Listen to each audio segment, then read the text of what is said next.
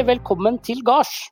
Bærepodden er endelig tilbake, og foran oss ligger 30 blanke minutter klare til å fylles med innsikt, læring og inspirasjon. Vi i Footstep har gledet oss skikkelig til denne episoden, for eh, i dag skal vi snakke om og med et av de mest innovative og bærekraftige selskapene vi har i Norge, nemlig Ruter. Og med oss i studio har vi Ruters bærekraftsjef Frode Vattum. Og Sigurd, det må jo bli bra. Om det blir bra, Håkon? Eh, hva er det for noe spørsmål? Eh, selvfølgelig blir dette bra. Ruter er jo liksom selve definisjonen av en gammel siderumpa og utskilt organisasjon som aldri klarte å innføre det nye billettsystemet Flexus. Men eh, som klarte da, å gjenfinne seg selv via å bruke da, en digital transformasjon. Akkurat sånn som du pleier å si, Håkon. Ja, det stemmer på en prikk. Ja. Um, og så er det litt sånn morsomt, da. ikke sant? Eh, vi snakker om nye forretningsmodeller. Og så kjennetegnet ved, ved, mange av disse uh, såkalte nye forretningsmodellene, da, som kanskje ikke er så nye lenger, men, men, men, men, poenget er at de eier jo ikke det de selger. Uh, Verdens største innholdsprodusent, f.eks. Facebook, de produserer jo ikke noe innhold selv. Verdens største overnattingsformidler, Airbnb, de eier jo ikke et eneste hotellrom. Og verdens største taxiselskap, da, Uber, de eier jo ikke en eneste bil. Og visste du at Ruter selv ikke eier et eneste transportkjøretøy? Så da har vi plassert da, Ruter godt sammen med de store gutta og damene i Silicon Valley. Men eh, vi regner jo med at, eh, at, at vi likevel betaler skatter til norske myndigheter for det. Ja da. Eh, og, eh, og, til tross for uh, Ruters oppsiktsvekkende reise, da, så har Ruters sjef Bernt Reitan Jensen tidligere snakket om hvordan dagens kollektivtilbud egentlig er en ganske dårlig brukeropplevelse. og Grunnen til det er at folk må dra fra et sted de ikke er, til et sted de ikke skal, på et tidspunkt som ikke passer dem. Og Da er jo spørsmålet da, hva, hva skal til for at kollektivtransport blir en god brukeropplevelse? Det skal vi snakke mer om i dag. Det skal vi. Og så skal vi snakke om hvordan og hvorfor Ruter har utviklet en egen bærekraftstrategi som er koblet direkte på FNs bærekraftsmål. Og, og, og, jeg anbefaler på det varmeste at alle lytterne eh, går inn på nettsidene til Ruter og leser om deres mål og forpliktelser for å skape et bedre samfunn for deg og meg og for våre etterkommere. Så dette, dette blir ulidelig spennende. Men aller først, her er litt foodfacts. Hei, Ida Gram fra Foodstep her. I dag skal vi snakke om ikke bare hvordan vi skal få hjulene til å gå rundt, men faktisk om selve hjulene som går rundt for å bringe oss fra A til B og bidra til gode og velfungerende byer og tettsteder. Visste du at innen 2030 kommer 60 av verdens befolkning til å bo i byer? Og at i Norge i dag bor 82% av oss i tettsteder? Og at disse 82% befolker 0,7% av Norges samlede areal? Oslo og Trondheim er de norske byene som har hatt størst prosentvis vekst de siste årene, skal vi tro tall fra SSB. Oslo er også et av de hovedstedene i Europa som vokser raskest. Samtidig ser vi at nye tettsteder markerer seg blant de mest folkerike, slik som Fredrikstad og Sarpsborg, som nå er blant landets fem mest folkerike tettsteder. Byer og tettsteder har det til felles at her foregår det svært mye. Handel, kultur, vitenskap, innovasjon og sosial samhandling. Samtidig, på verdensbasis står byene for tre fjerdedeler av alle klimagassutslipp, og mange byer har store slumområder med betydelige levekårsproblemer. Den høye urbaniseringstakten, hvor det både blir flere byer og større byer, er tema for FNs ellevte bærekraftsmål, nemlig målet om bærekraftige byer og samfunn. Her handler det om å gjøre byer og bosettinger inkluderende, trygge, motstandsdyktige og bærekraftige. Det er ingen liten jobb, og dette målet berører både boligpolitikk, transportpolitikk, klimapolitikk, kulturpolitikk og økonomisk politikk. For det første må det sikres at alle har tilgang til trygge boliger og grunnleggende og prisgunstige tjenester, og at slumområder forbedres. Og for det andre sier dette målet at innen 2030 skal alle ha tilgang til trygge, lett tilgjengelige og bærekraftige transportsystemer til en overkommelig pris. Særlig skal det legges vekt på å bygge ut offentlige transportmidler med spesielt hensyn til personer som befinner seg i en utsatt situasjon, og til kvinner, barn, eldre og personer med nedsatt funksjonsevne. Dagens podkastgjest arbeider i et selskap som står for over halvparten av kollektivtransporten i Norge. Vi gleder oss til å høre mer om hvordan Ruter arbeider med FNs bærekraftsmål 11. i tillegg til de sju andre bærekraftsmålene som danner grunnlag for Ruters bærekraftstrategi. Ja, tusen takk til Ida Gram for en god oppsummering av bærekraftsmål 11 om bærekraftige byer og eh, samfunn. Vi skal bevege oss videre i sendinga, eh, og nå skal vi bli bedre kjent med Ruter og deres offensive bærekraftsjef Frode Vattum. Og aller først, hjertelig velkommen til Bærepodden, Frode. Tusen takk, Håkon. Glad for å være her. Ja, så bra. Du, du, sitter i en spennende posisjon i en virksomhet som har vært på litt av reise de siste årene. Kan ikke du starte med å fortelle litt om deg selv og din rolle i Ruter? Uh, ja, det gjør gjerne litt, litt om meg selv. Uh, jeg er strategisjef i Ruter, men har gleden da også vært ansvarlig for, for uh, bærekraftstrategien og arbeidet med det og, og miljø. før det så jobbet jeg i Accenture i ti år. Eh, litt med strategiutvikling i Sveits og tysktalende delen av eh, Europa. Og så siste fem årene så var jeg med å bygge opp det som da, og ledet det som het Sustainability Services, altså bærekraftsatsingen her i Norge og, og i Norden. Så jeg er egentlig en økonom og en strateg som har liksom funnet inspirasjon på bærekraft faktisk i Sri Lanka på et frivillig år der for ca. ti år siden. Så nå forsøker jeg da, som du sier, en spennende jobb. Altså, jeg, jeg, opplever at jeg finner eh, sånn symbiosen mellom eh, strategi og noe spennende utvikling og samtidig som noe veldig viktig at vi kan bidra til å gjøre samfunnet og verden litt bedre. Og der syns jeg rammene av FNs bærekraftmål er eh, veldig, veldig godt egna. Mm, veldig bra. Eh, Rute fremstår i dag som et eh, moderne selskap som har satt eh, brukerens behov i sentrum gjennom digitale løsninger. Men vi skal ikke veldig mange år tilbake i tid før digitaliseringen av Ruter var ensbetydende med Flexus-systemet og kostnadsslug på hundrevis av millioner. Hvordan vil du beskrive Ruters utvikling frem til i dag, og hva har vært de viktigste stegene på veien? Ja, da må jeg ta på meg en større hatt enn det liksom, min erfaring tilsier. For jeg har vært bare ruter i fem år, eh, og en del av milepælene lå, lå, før det. Jeg ville sagt at og altså, når jeg startet for fem år siden, så sa min sjef til meg at det viktigste vi må gjøre nå, det er å slutte å irritere folk. Eh, og nå har vi faktisk ambisjoner om å skape glede og i hvert fall enkelhet i livet. altså eh, Skape bevegelsesfrihet og, en god, god, god hverdag. Um, det, noe av det viktigste tror jeg må være i 2007-2008, når Ruter ble etablert. For da tok eh, politikerne valget og, og skapte Ruter som et uh, selskap, et uh, aksjeselskap, som fikk lov til å, å styre utviklingen av uh, kollektivtrafikken i Oslo og da Akershus. Ehm, litt med en, arm, med en liten sånn avstand da, fra politikerne selv, for å skape best mulig tilbud og integrere kollektivtrafikken sammen til ett til et eksisterende tilbud og ha kundefokus på det, et markedsfokus. Så Det var en veldig viktig milepæl. Og så tror jeg det har vært en bare knallhard jobbing fra, fra da. spesielt da inspirerende med Bernt Reitan Jensen som sjef hele perioden. Som har egentlig frontet vil jeg sagt, tre ting. Det ene og viktigste er kundefokus. Altså, la oss alltid eh, forsøke å løse et kundeproblem og skape en enklere hverdag for kunden. Eh, det andre er eh, et teknologifokus som kom etterpå. Å se potensialet i alt fra selvkjørende busser til elektriske busser, til apper, eh, til integrert mobilitet og, disse tingene. Og nå kunstig intelligens. Og det tredje som vi nå skal snakke om, det er bærekraft, som skaper liksom rammene rundt det. Fordi eh, bære, gjennom bærekraftmålene så klarer vi liksom artikulere hva vi egentlig er der til for å skape. Vi er eid av innbyggerne, vi er eid av Oslo og, og, og nå Viken for å skape et bedre samfunn gjennom det vi leverer på mobilitet.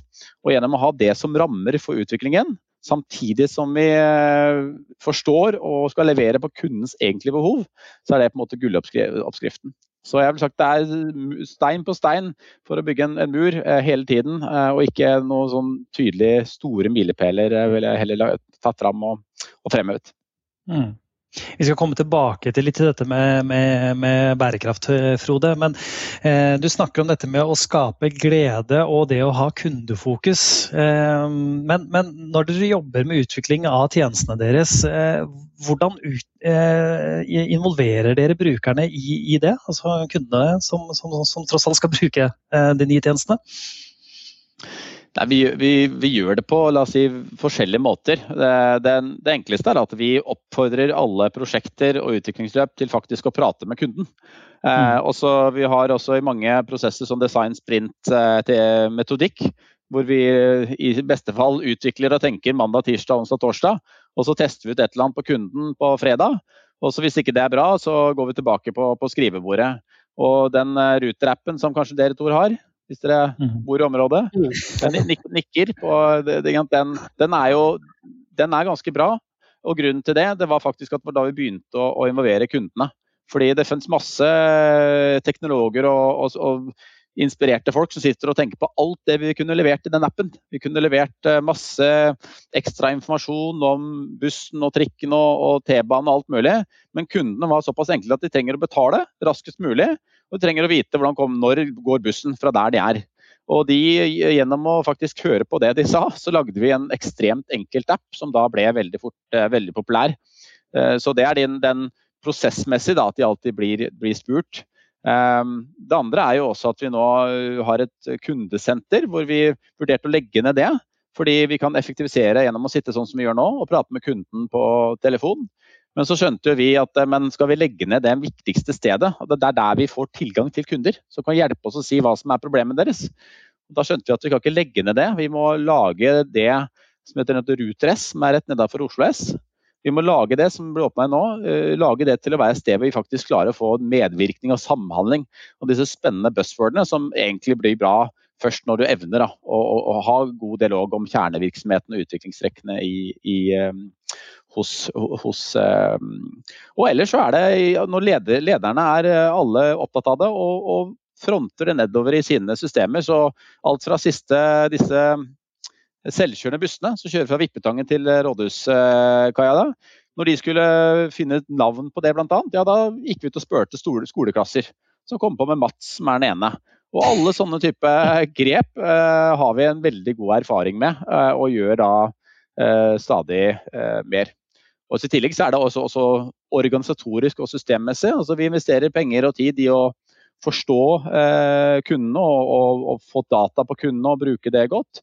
Og det annet er at vi har omorganisert oss til matrise, hvor markedet sitter øverst og bestiller. Slik at vi skal alltid forsøke å tenke på hva vi skal levere til innbyggerne på et visst sted. Eh, som premissgiverne for alt vi velger å gjøre i utvikling og drift i, i, Ruter. Så Det er mange elementer. Litt er kulturelt, litt er lederskap. Litt er eh, metodikk i forhold til eh, sprint design. Og litt er strategi. Mm.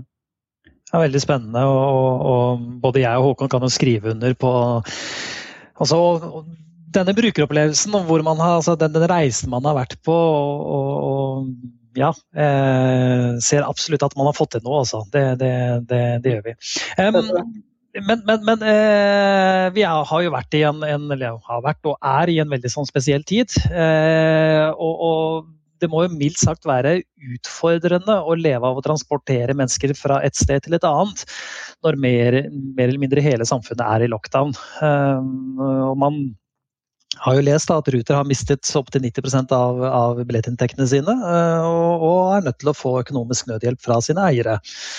Men hva er det viktigste dere som selskap gjør i en sånn situasjon? Nei, det er, eh, det er vel både å Det er jo kjemperart, som du sier. Altså, vi jobber med å kjøre mest mulig kollektivt, for det er eh, fornuftig. Samtidig som vi nå går ut og sier jeg, jeg som egen ansatt eller jeg som ansatt i Ruter får beskjed om at eh, når jeg skal på, jeg nå sitter hos Ruter, når jeg skulle hit i dag, så sier ikke ta kollektivtrafikken. Så det er jo en helt merkelig følelse å få beskjed av meg selv at jeg ikke skal ta min eget produkt, som vi har forsøkt å fronte i, i, fem år. Og det samme sier vi til kundene våre. Så det er en, en merkelig og rar oppgave i A å altså, fra, altså, fraråde flest mulig å ta kollektivtrafikken, for det er en kilde til smitte. Eh, B. Eh, sikre at kollektivtrafikken går som planlagt for de som må ta kollektivtrafikk og sikre at vi unngår smitte hos sjåførene og alle som, som, må ta det yrket sitt og, og kjøre buss og, og trikk og T-bane og båt hver eneste dag. Eh, og eh, hos meg på, på, strategi så er det viktigste er å da snu dette eh, til eh, la oss si, å endre oss strategisk. Eh, ut ifra de nye premissene som er lagt. For dette her vil ikke gå over i løpet av en uke eller to. Um, og selv om eh, vi håper og tror at vi får eh, finansieringsstøtte, slik at vi kan opprettholde tilbudet, selv med et stort frafall av inntekt, så, så må vi også se hvordan vi kan eh, tilpasse tilbudet til de nye forutsetningene. For når du sier at vi skal være kundeorienterte, Så, så, så er det ikke liksom å ta bussen i dag er ikke det som er mest attraktivt og spennende.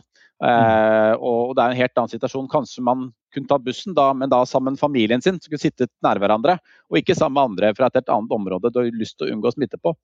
Eh, så, så, og vi heier, vi også ønsker mer sykkel og gange, som er bra for mange av mange hensyn. Der kan vi også påvirke gjennom å integrere ting i appen vår, bruke prismekanisme og diverse faktorer. Så, så, eh, så vi må rett og slett, syns jeg, da, vi må speede opp strategisk utvikling til å uh, tilpasse da, det vi tilbyr av mobilitet med kollektivtrafikk og andre ting, enda mer til en kunde, uh, konkret kundekontekst. Da. Og akkurat nå så er den mm. helt annerledes og kommer til å vare med oss uh, en, en, lengre tid. Mm. Men tror du det er lettere å, å, få inn frisk kapital i dårlige tider når man har offentlige eiere, sammenlignet med hvis man f.eks. hadde vært et privatselskap? da? Det er i hvert fall veldig annerledes, vil jeg sagt. For det er klart ja. uh, å gå med Vi har jo full forståelse for at politikerne syns det er litt uh, Altså det må jo være en, litt tøft å være politiker og prioritere alle de behovene av penger som kommer til å finnes uh, fremover. og vi som offentlig eid har jo også mange begrensninger på hvordan vi kan skaffe kapital. For vi er jo tross alt subvensjonert fra offentlige myndigheter, og da passer på at ikke de pengene går til eh, la oss si noen i det private markedet som ikke eh, skal ha da, eh, sub subsidier. Så det er mange hensyn å ta. Så Sånn sett ja, det er kanskje vanskeligere av mange årsaker å, å, å skaffe kapital. Eh, men vi er vant til å få kapital, altså penger fra inntekter fra billetter. Og penger fra våre eiere og, og ved andre offentlige kilder. Eh, og vi må absolutt, eh, la oss si, legge fram et stadig bedre verdiforslag på det. Og så må vi se om vi kan eh, også eh, selvfølgelig spare penger eller effektivisere eh, driften. Som sagt, akkurat nå så kjører vi jo busser hele tiden fordi de som må komme seg på jobb, skal få et tilbud. Men mm. samtidig så har vi jo enormt få plasser i den bussen som er, eh, som er opptatt. Selv om alle, hadde, alle setene som nå er ledige, hadde blitt tatt, så er vi på 30-40% kapasitet. Så det er jo et veldig dyrt, uh, dyrt, foretak. Så vi må tenke på andre måter å redusere smittefaren. Uh, men uh, fylle opp bussene og se om vi kan da matche mer tilbud og etterspørsel. Slik at vi kanskje på sikt ikke må kjøre alle dette, alle, all, all, luften da, som vi nå mm. kjører. For som jeg tror du Håkon sa det, vi, til en viss grad så kjører vi deg fra et sted, helt, et, et sted du ikke akkurat er på, til et sted du kanskje ikke helt skal på, på en tidspunkt du ikke Eh, skal. Så kanskje med all den teknologiske optimismen vi har i dette rommet nå ellers, så kanskje vi klarer å, å, å, å kjøre litt raskere i tempo av å, klare det på fin måte. Mm. Det er herlig å høre at det har så stort fokus på brukeren i sentrum, det, det liker vi å høre. Eh, Ruter er et av eh, få selskaper som veldig tydelig kobler sin utviklingsstrategi opp mot FNs bærekraftsmål. Og Da må vi nesten spørre, da, hvorfor har dere i Ruter valgt å ta et så tydelig strategisk valg? Nei, For oss var det ganske enkle, si, e-, enkel logikk. Vi, eh, vi, er jo eid av innbyggerne og, og, eid av Oslo og nå Viken.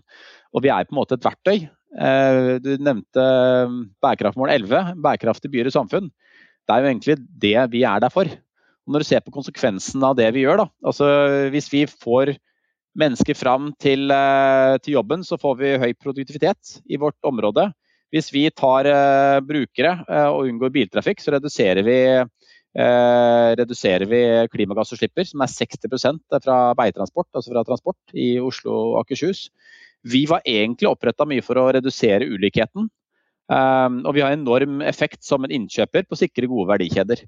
Så Grunnen til at jeg lister opp det her, det er at jeg treffer allerede Vi har ganske betydelig impact da, på eh, åtte eh, pluss-minus bærekraftmål som eh, hele verden bør ha fokus på, og som våre eiere har stor fokus på, og som Norge har stor fokus på.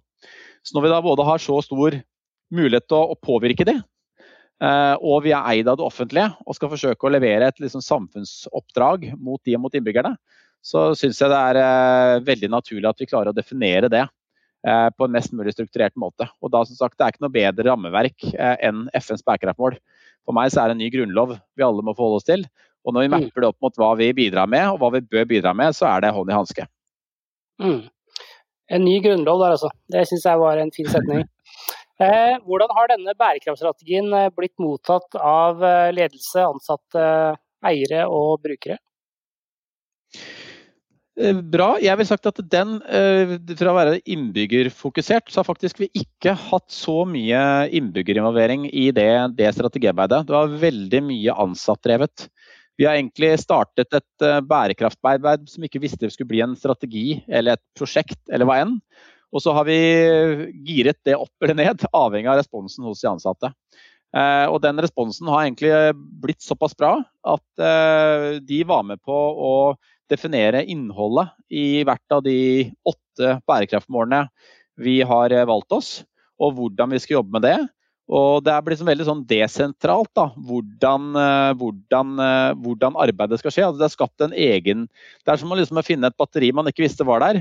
Og når folk begynner å få det her inn i å se på det og snakke om det, så, så bidrar det til veldig mye stolthet og inspirasjon og, og, glede og energi i arbeidshverdagen som har mye mer kraft enn eh, la oss si, et eller annet som står i et strategidokument. Så det er mye mer enn kulturellbærende, verdiskapende um, prosess enn en sånn strategisk retning. Og det meste som har skjedd, har ikke jeg eller andre kontroll på. Det har skjedd hos en enkelt enhet, hos en enkelt gruppe, hvor de valgte å tenke litt ekstra på universelt utforming i, i båtanbudet, eller de så stoltheten i å kjøre skoleskyss, for de faktisk bidrar til viktige um, opplevelser for både for foreldre og barn. Uh, eller få en ekstra energi for å drive elektrifiseringsløpet, for vi vet hva det betyr for batteriprodusenter i Norge versus Asia. Altså Masse gullpunkter som vi blir bevisst på, og som gir oss glede og stolthet og energi til å styrke arbeidet mange, mange, på mange områder. Mm. Men hva, hva, hva, forventer du at ansatte, ledere og styre gjør for å få fortgang i bærekraftsarbeidet? Eh, og hva forventer de av deg som bærekraftsjef? Nei, det å kalle meg altså bærekraftsjef så er sikkert litt uh, forvisen, selv om jeg uh, har ansvaret la oss si, uh, formelt for, for si, bærekraft som, som, et begrep og har holdt i bærekraftstrategien. Så har vi egentlig sagt at det viktigste vi gjorde etter at den strategien kom på plass, det var å integrere bærekraft i målene til Ruter. Slik at, og, og gi ansvaret til alle ledere i Ruter. Eh, slik at det egentlig er eh, litt mindre Det kan være enkelte eh, fokusområder som kan drives av enkelte enheter som hos oss, men det er egentlig opp til hver enkelt leder å, å, å videreutvikle det de driver med i en, i, med, med, bærekraft da, som, som premiss. Så det, det, utvikler seg litt altså Gitt at det er så stor interesse, så skjer det av seg selv. Hadde det ikke vært så stor interesse, så kan man da enten velge å, å legge ned bærekraftstrategien, eller begynne å, å, å gire opp fra sånn eh, lederskap og organisert utvikling. Men sier du da at, at, tiltakene for å nå disse målene blir til lenger ned i organisasjonen, eller er det sånn toppstyrt med eh, konkrete tiltak for å nå disse, disse målene dere har satt? Mm. Det er, eh, det er relativt uh, desentralisert, men som sagt, vi har puttet det inn i målhierarkiet. Så ja. dette med fossilfri 2020, uh, eh, med at vi skal fase ut alt diesel og bensin i, til desember i år, den, den står der. Og så kom utslippsfri, vi skal bli alt elektrisk i 2028. Det står der. Og så har vi fått inn nå et mål om mindre ulikhet i forhold til at man skal oppleve tilbudet likt og på universell utforming. Vi har fått inn mål om sirkularitet, som handler i første halvåret nå. Bare forstå verdikjeden på buss, og trikk, og T-bane og båt, så vi kan begynne å etterspørre fornuftige verdikjeder, sosialt og, og miljømessig. Så, mm, så, så, disse premissene i forhold til de viktigste tingene er integrert i målhierarkiet og i vår visjon. Så den er styrt gjennom det. Men mye av det andre det er trigget av enkelte initiativ eh, på sikkerhet og sagt, universell utforming og sirkularitet og andre ting, som i tillegg til målene kommer fordi folk har fått innsikt og, og inspirasjon og samarbeidspartnere eh, på det her. Og selvfølgelig også har vi mye dialog med eierne våre, som, som deler selvfølgelig interessen om å ha et utslippsfri kollektivtrafikktilbud og, og, og, sikre at vi fortsatt har lite ulikhet i byen vår og diverse andre viktige spennende punkter.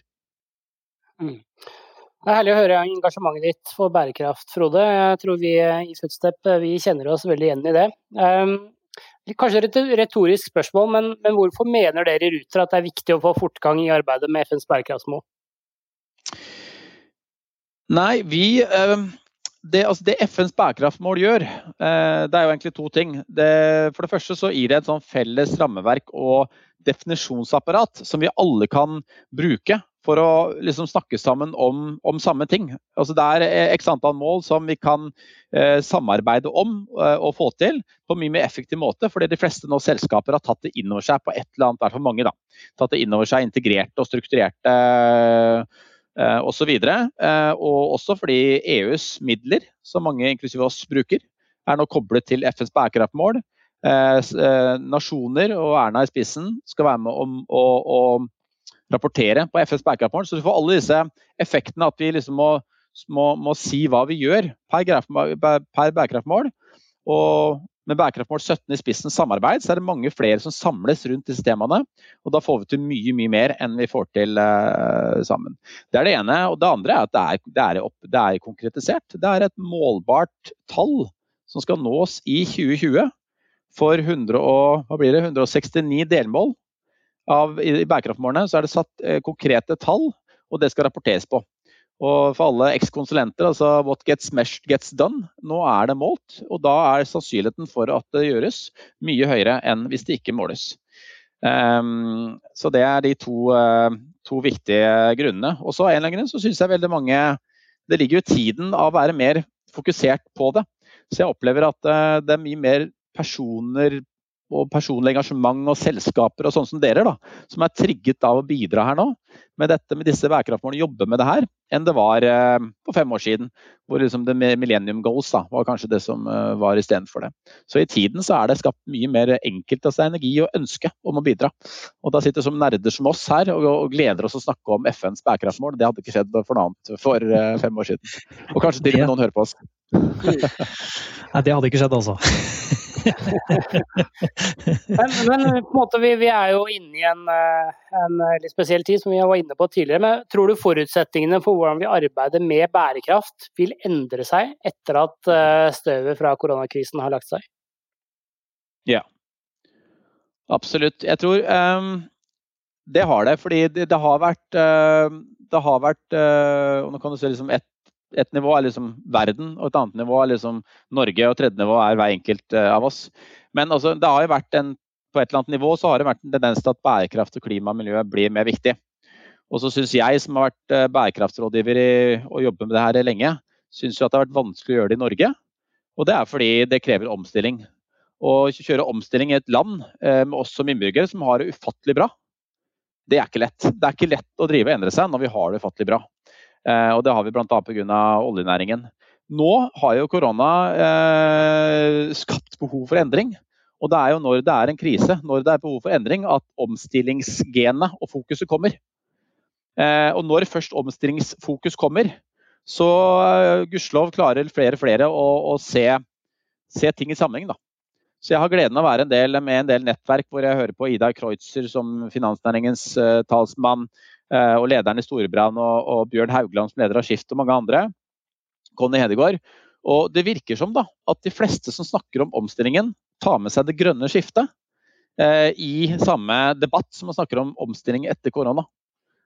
Um, uh, så Det syns jeg er veldig veldig spennende å se, og det tror jeg da kommer til å skje.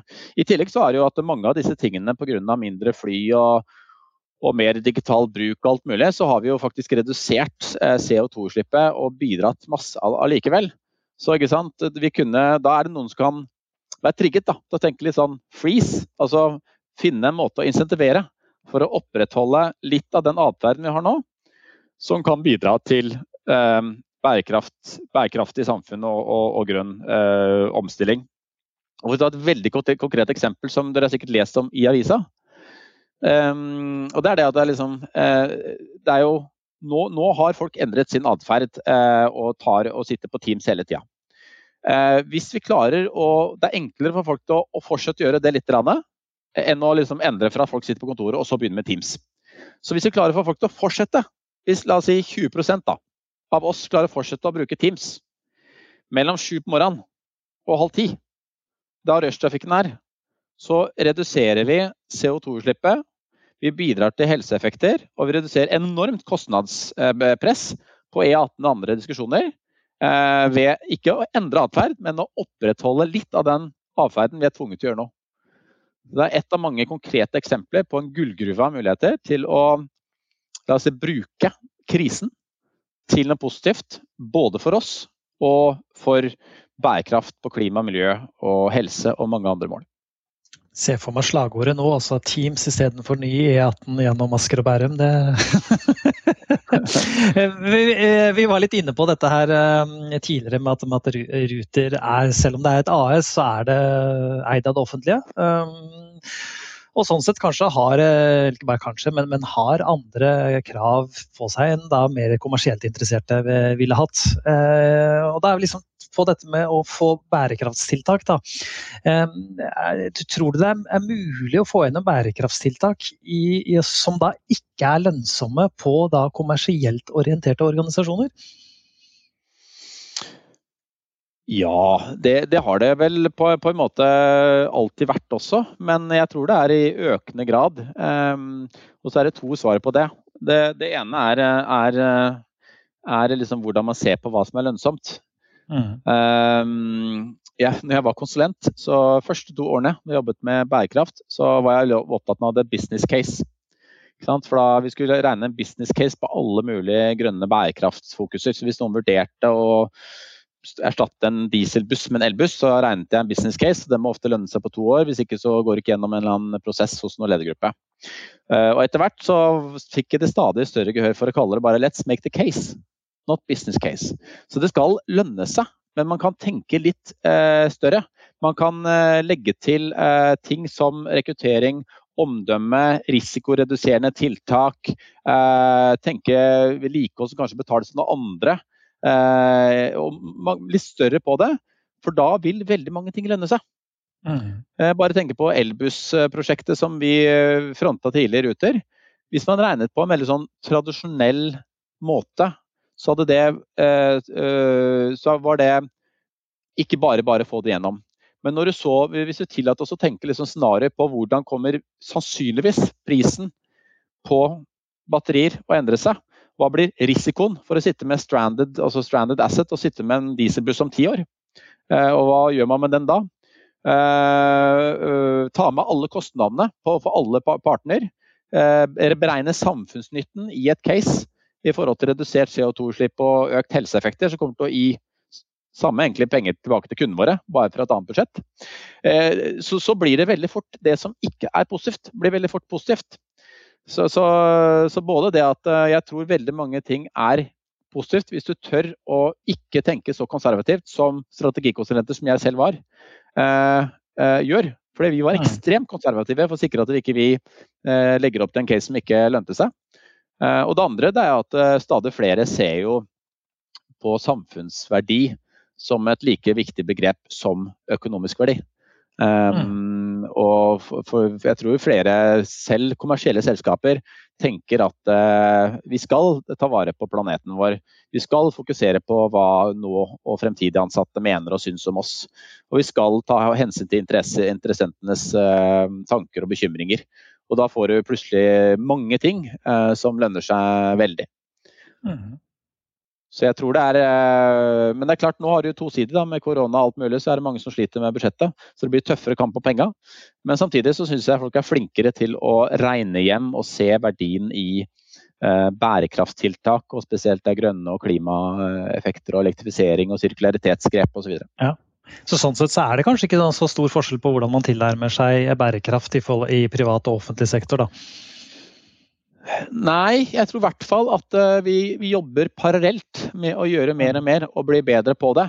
Og så er det nok mm. enklere for oss i um, offentlig sektor å koble det opp mot uh, samfunnsmål, og som er veldig likt bærekraftmål. Mm. Mens uh, man må jobbe litt mer med analyser og, og, snevre det litt mer inn da, til kanskje det man skal oppnå hos, uh, hos private virksomheter. Men jeg er helt enig med deg at det er ikke mm. stor forskjell. Og det er ofte noen mener at det private har kommet lenger enn det offentlige. Ja, ikke sant. Mm. Hvis vi ser litt, eh, litt, frem i tid, Frode. Hvordan eh, tror du fremtidens reisemønster vil se ut? Vil vi få mer brukertilpasning? Eh, kan vi f.eks. se for oss å få en selvkjørende buss hjem på trappa? Ja. Ja, ja, ja det tror jeg absolutt. Altså, det er grunnen til at jeg, tatt, at jeg uh, valgte å søke meg til Ruter det var fordi jeg sto på Fornebu og venta på en buss som kom litt for sent. og Jeg så ikke om han kom, og jeg visste ikke om han var forsinka. Og jeg bare tenkte hvor, hvor uh, Her er det et stort potensial. Mm. For som du sier, altså tilpassa mitt behov. Uh, og, og um, så det tror jeg. Og som du nevner teknologiene, altså de, de kommer jo som perler på strå. Uh, det er forskjellige tidsakter, men når du nå bestiller et eller annet på Netflix, så vet ikke du, du hvem du bestiller for en gang. Du finner en film, og så, i hvert fall hvis du er som meg, finner en film, trykker på knappen, jeg vet ikke hvem som har levert den filmen. Eh, og Det samme skjer på kolonial og hver masse industrier nå. Hotels.com er jo slik at du kommer inn på en eller annen flate, og så ber du om et eller annet. Og så eh, tar det selskapet, plattformselskaper, og har såpass eh, eh, la oss si da, de har muligheten til å gi deg tilgang til mange typer produkter og tjenester som er tilpassa ditt behov. Og det selskapet har såpass god forståelse av ditt behov at det leverer stadig bedre eh, tjenester. Og Der tror jeg transport også er eh, midt i et eh, kjempeendring. Alt fra hvordan eh, Uber har jo endret det, i hvert fall for oss innbyggere, som en mye bedre eh, reiseopplevelse, mener mange, enn en vanlig taxiløsning. Eh, kom sparkesyklene, kom masse innovasjonsdrypp. Og jeg mener at det er eh, masse potensial både å fortsette utviklinga av disse tingene, integrere det i ett eh, mobilitetsløsning som kan liksom eh, som kan tilpasse den enkeltes eh, situasjon. Eh, og dette med kundeopplevelse. Så Hvis vi vet at du Håkon, liker å sykle til jobb, eh, du har en fin sykkel der, så skal, skal ikke så veldig mye innovasjon til for at vi til og med kan gi deg et råd. Kjære Håkon, i dag er det mye kø på veien, også med bussene. Ta ta, ta, den, um, ta sykkelen din, du. Uh, det er sånn et eksempel som vi kunne ha gjort. Um, og, og, også kombinere slik at du har tilgang til en kombinasjon av kollektivtrafikk, uh, en, by, en, en, bysykkel, en bil, en uh, sparkesykkel. Så denne integrasjonen som dekker et større behov for deg, gjør at du enda mindre grad kan trenge bil. Og så var det inne på selvkjørende kjøretøy, som vi har to-tre tester på. Vi har også stor tro på det, og det er jo når det kommer for fullt, det vil jo gradvis bli innført, så vil det bli det en eh, revolusjon. Eh, både av hvor effektivt vi klarer å utnytte kjøretøyene og løse transportbehovene. Og løse eh, min sjef, altså Bernt Eitan Jensens perspektiv på at man tar fra sted du ikke er til sted du ikke skal på sted du ikke kan, på mye bedre måte enn, en nå. Mm. Og det, det, kommer, men om det tar 5, 10 eller 15, der, der strides de lærde. Klokka tikker og går eh, i godt selskap, og vi må, vi må, begynne å runde litt av. Men vi, er, vi har tid til ett spørsmål til, eh, Frode. og det, det, spørsmålet her stiller vi alle våre gjester. Hvem mener du ligger lengst fremme i Norge når det gjelder å se digitalisering og bærekraft i sammenheng? Hvem mener du fortjener eh, litt ekstra oppmerksomhet, og hvorfor?